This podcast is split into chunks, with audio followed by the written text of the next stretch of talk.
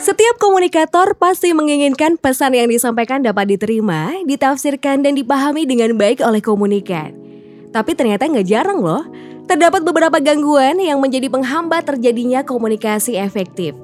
Kira-kira apa sajakah gangguan yang mungkin terjadi? Pertama adalah kendala bahasa, gaya bahasa, dan budaya.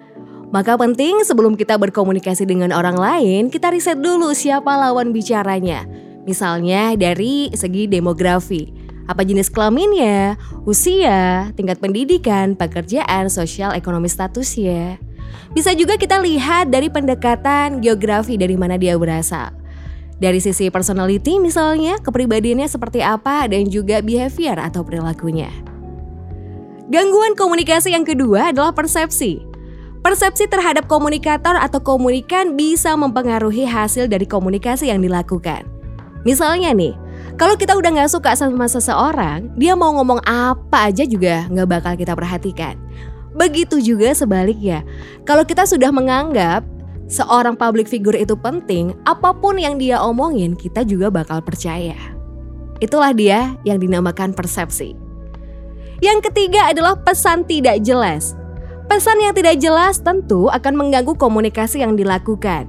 Misalnya seorang pembicara melakukan presentasi tapi suaranya begitu lirih dan tidak terdengar jelas. Akibatnya audiens yang duduk di barisan belakang tidak bisa mendengar dan menerima informasi dengan baik. Gangguan keempat adalah ketika medianya rusak atau terganggu. Misalnya nih, ada orang lagi presentasi, tapi ternyata slide presentasinya nggak bisa kebaca dengan jelas gara-garanya LCD proyektornya itu bermasalah. Ya udah deh, gara-gara media, pesannya jadi nggak jelas, audiensnya jadi nggak paham.